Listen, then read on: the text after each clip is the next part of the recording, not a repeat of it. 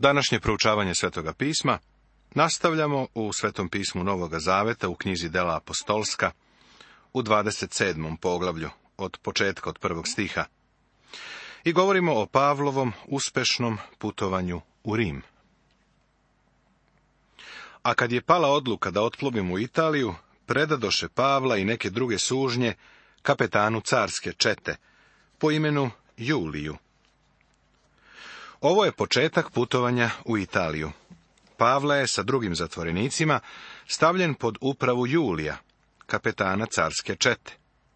Sa sigurnošću bih mogao reći da je Pavle bio jedini zatvorenik koji je bio rimski građanin.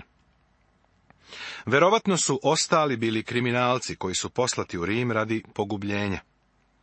Mnogi od njih će postati gladijatori koje će pojesti divlje zveri. U to vrijeme postojao je stalno protok ljudskih života sa svih krajeva carstva koji su uvođeni u Koloseum u Rimu. Ovi zatvorenici su bili krajnje bespomoćni ljudi. Kakvu je samo priliku Pavle imao da pruži evanđelje ovoj klasi ljudi? Setit se da je gospod rekao da je jedan od razloga zbog kojih je došao na zemlju bio taj da oslobodi svezane, da ih oslobodi duhovno, da ih izbavi od njihovih greha i od krivice. Ovaj kapetan Julije je bio vrlo učtiv paganin, kao što ćemo vidjeti. Uđo smo tako u jednu adramitsku lađu, koja je imala da plovi u azijska primorska mesta, te se odvezo smo. Aristarh, makedonac iz Soluna, bio je sa nama. Ponovo smatram da će ti koristiti ako ovo putovanje pratiš na mapi. Zapazit ćeš da sada odlaze na obalu Izraela. Drugim rečima, ne plove direktno na more sa mesta polaska Karimu. Brod kruži uz obalu i odlazi ka obali Izraela. Drugog dana stigo smo u Sidon, i Julije koji je s Pavlom ljudski postupao, dopusti mu da ode do svojih prijatelja i da se ovi postaraju za njega. Sidon nam je poznato mesto. Tir i Sidon se nalaze na obali u Fenikiji, u delu koji se sada naziva Liban. Zapazi slobodu koja je data apostolu Pavlu. Mislim da ovdje imamo rimskog službenika, koga je Pavle dosegao evanđeljem. On sa Pavlom postupa blagonaklono. Čak je i velikom apostolu Pavlu bilo potrebno zajedništvo i osveženje braće hrišćana. Niko od nas nije imun na to. Svima nam je potrebno međusobno razumevanje i ohrabrenje. A kad se odvezo smo odande, plovili smo u zavetrini Kipra, zato što smo imali protivne vetrove. U zavetrini Kipra u stvari znači da su otišli skroz ispod, južno od Kipra, a to nam govori da su išli u susret nekim severnim vetrovima. Pošto smo preplovili more duž obala Kilikije i Pamfilije, stigo smo u miru Likijsku. Preko ove vode smo sa Pavlom već prolazili. Sada putuju duž jedne obale Male Azije, kružeći blizu obale. Onda je kapeta našao jednu aleksandrijsku lađu, koja je plovila u Italiju, te nas ukrca u nju. Ako pogledaš mapu, vidjet ćeš da je mira vrsta polazne tačke. Tu su menjali brodove. Kapetan je našao brod za Aleksandriju, što znači da je brod došao iz Severne Afrike i da je plovio za Italiju. Više dana plovili smo sporo i jedva smo došli prema Knidu. Pa kako nam vetar nije dao da pristanemo, plovili smo pored Salmone u zavetrini Krita. Pošto smo jedva plovili uz obalu, dođo smo u jedno mesto zvano Dobra pristaništa, u čijoj blizini je bio grad Laseja. Zaputili su se ka ostrvu Kritu. Očigledno je da je putovanje i dalje bilo teško. Vetrovi koji su duvali ka njima predstavljali su veliku poteškoću za plovne objekte toga doba. Prešli su na južnu stranu ostrava i stigli u Laseju koja se nalazi na južnoj obali Krita. Kako je pak prošlo mnogo vremena, a plovidba već bila nesigurna, jer je i post već bio prošao, Pavle im je preporučivao. Ovo zapravo znači da je već bila pozna jesen i da je dolazila zima. Nadali su se da će u Rim stići pre olujne sezone. Zanimljivo je primetiti da Pavle u ovom momentu preuzima moralni autoritet. Kada je putovanje postalo opasno, Pavle ih je posavetovao. I govorio, ljudi, vidim da će plovidba biti smukom i velikim gubitkom, ne samo tovara i lađe, već i naših života. Ali kapetan je više verovao krmaru i sopstveniku lađe nego onome što je Pavle govorio. Čovjek zaista lako može da razume kapetana. Nakon svega očekivao bi da kapetan broda zna o plovidbi više od apostola Pavla. Ovdje vidimo da je Pavle pod stvarnom proverom, a on se baš dobro drži. Daje predlog koji će se, kako ćemo kasnije vidjeti, usvojiti. Pavlova duhovna superiornost je u ovom momentu očigledna. U Pavlovom životu nema konfuzije, ni nesigurnosti, ni frustracija. On je, kako bismo danas rekli, stabilna ličnost. Pavle je poznavao put kojim je išao. Kada je došao u Rim, rekao je, to je jedino što ja činim. Njegove kvalitete možemo da pratimo kroz ponašanje na ovom putovanju. Pavle je živeo kao čovek koji je bio u dodiru sa Bogom. Kako ova luka nije bila pogodna za zimovanje, većina je odlučila da se otplovi odande. Ako bi nekako bilo mogućno doći do kritske luke Finiksa, koja je otvorena prema jugozapadu i severozapadu, i onde prezimiti. Krit je ostravo koje leži neudaljeno i od obale Male Azije i od obale Grčke. Ono je najveće ostravo sa nekoliko dobrih luka. Događaj koji slede potvrdit će da je Pavle bio u pravu. U toku ovog putovanja kapetan, vojnici i mornari zavisili su samo od ljudskog nagađanja, a Pavle je gledao na Boga. A kad dunu južni vetar, pomisliše da mogu ostvariti svoju nameru, digoše kotvu i plovljahu pokraj Krita. Za njih putovanje je bilo kao zagonetka. Južni vetar je blago duvao, pa su oni pomislili, odnosno pretpostavili. Kapetan je bio čovek koji je gledao na sebe i na ljudsku mudrost. Pavle je gledao na Boga. Kasnije će Pavle ovako reći ovim ljudima, verujem Bogu, u 25. stihu. Obrati pažnju na to da nije rekao da veruje u Boga, nego da veruje Bogu. Život je veliko more, a naši životi su maleni čamci. Našim čamcima možemo upravljati na osnovu ljudskog nagađanja, ako tako odlučimo. Prijatelju, tamo na polju je bura, oluja. Tragedija je u tome da usred zbrke, svetskog haosa i tame, većina ljudi mora da nagađa. Hiljade ljudi planira izgradnju boljeg sveta. Ipak, gde god da pogledamo, vidimo neuspeh. Potrebni su nam ljudi koji poznaju Boga. Gledstone je rekao, obeležje velikog državnika jeste da je on čovek koji poznaje Božiji put 50 godina unapred. Danas kao da ne možemo da pronađemo mnoštvo takvih ljudi. Bura ali ne zadugo posle toga dunu skrita burni vetar koji se zove severoistočnjak. Severoistočnjak je duvao iz Europe. Bilo je zimsko, olujno doba. Bio je to burni vetar koji je zahvatio brod na kome su bili Pavle i ostali ljudi. Želeo bih da se ovdje zaustavim i ukažem na nešto zanimljivo.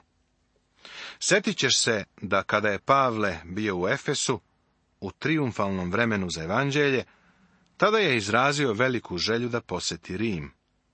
Bio je to snažni vapaj njegovog srca. Posle ovih zbivanja, naumi Pavle u duhu da prođe Makedoniju i Ahaju i da se uputi u Jerusalim, rekavši, pošto budem tamo, moram i Rim vidjeti, kako je zapisano u delima apostolskim u 19. poglavlju, 21. stihu. Čas tame je došao za Pavla u Jerusalimu. Izgledalo je kao da nikada neće ugledati Rim. U tom času tame, očaja i poraza, Bog mu se javio i ponovo ga uveravao.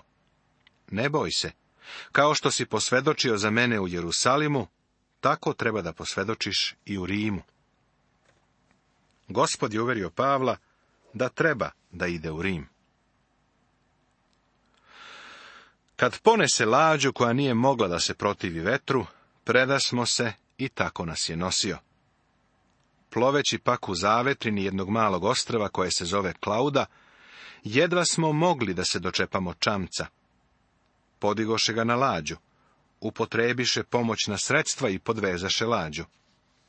No bojeći se da ne udare u sirtu, spustiše spravu i tako su bili dalje nošeni. Kako nas je žestoka bura zahvatila, sutradan stadoše izbacivati tovar.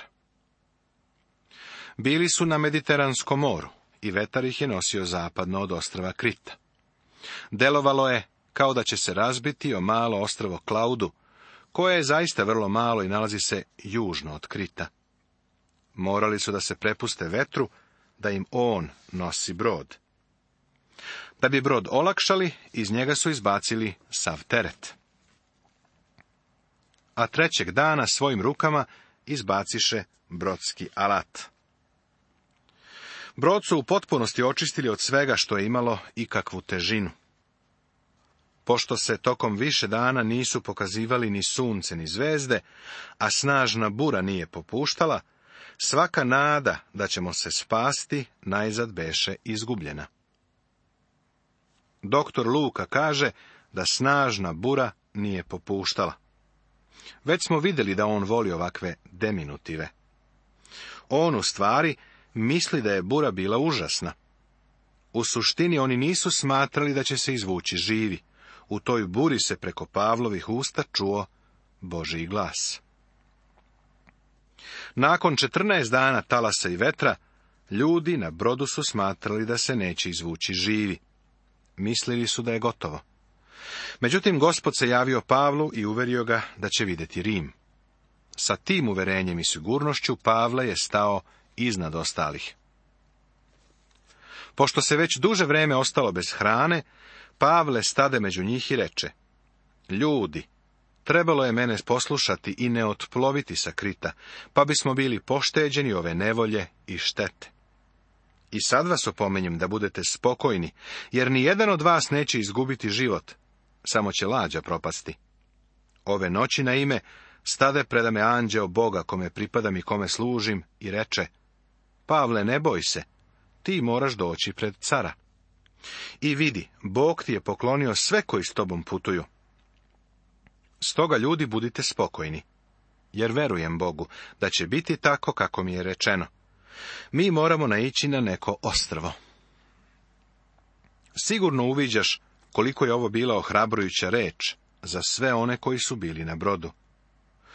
U stvari bilo je to jedino zašto su mogli da se drže obrati pažnju na divno svedočanstvo apostola Pavla. Kome pripadam i kome služim, kako on kaže. Njegovo pouzdanje je bilo u Bogu. Budite spokojni, jer ja verujem Bogu da će biti onako kako mi je rekao. Pavlu je bilo otkriveno da će biti izbačeni na neko ostrvo. Saznaćemo da je to ostrvo bilo Melita, južno od Sicilije. Prešli su poveliku razdaljinu preko Mediterana od ostrva Krita.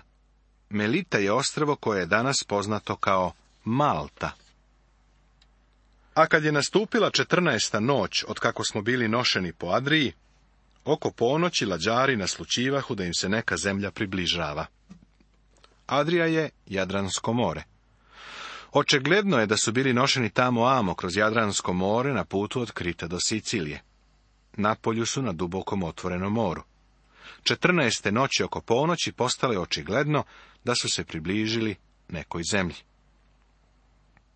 Baciše visak za merenje dubine i nađoše dvadeset hvati dubine, a malo dalje baciše opet visak i nađoše petnaest hvati.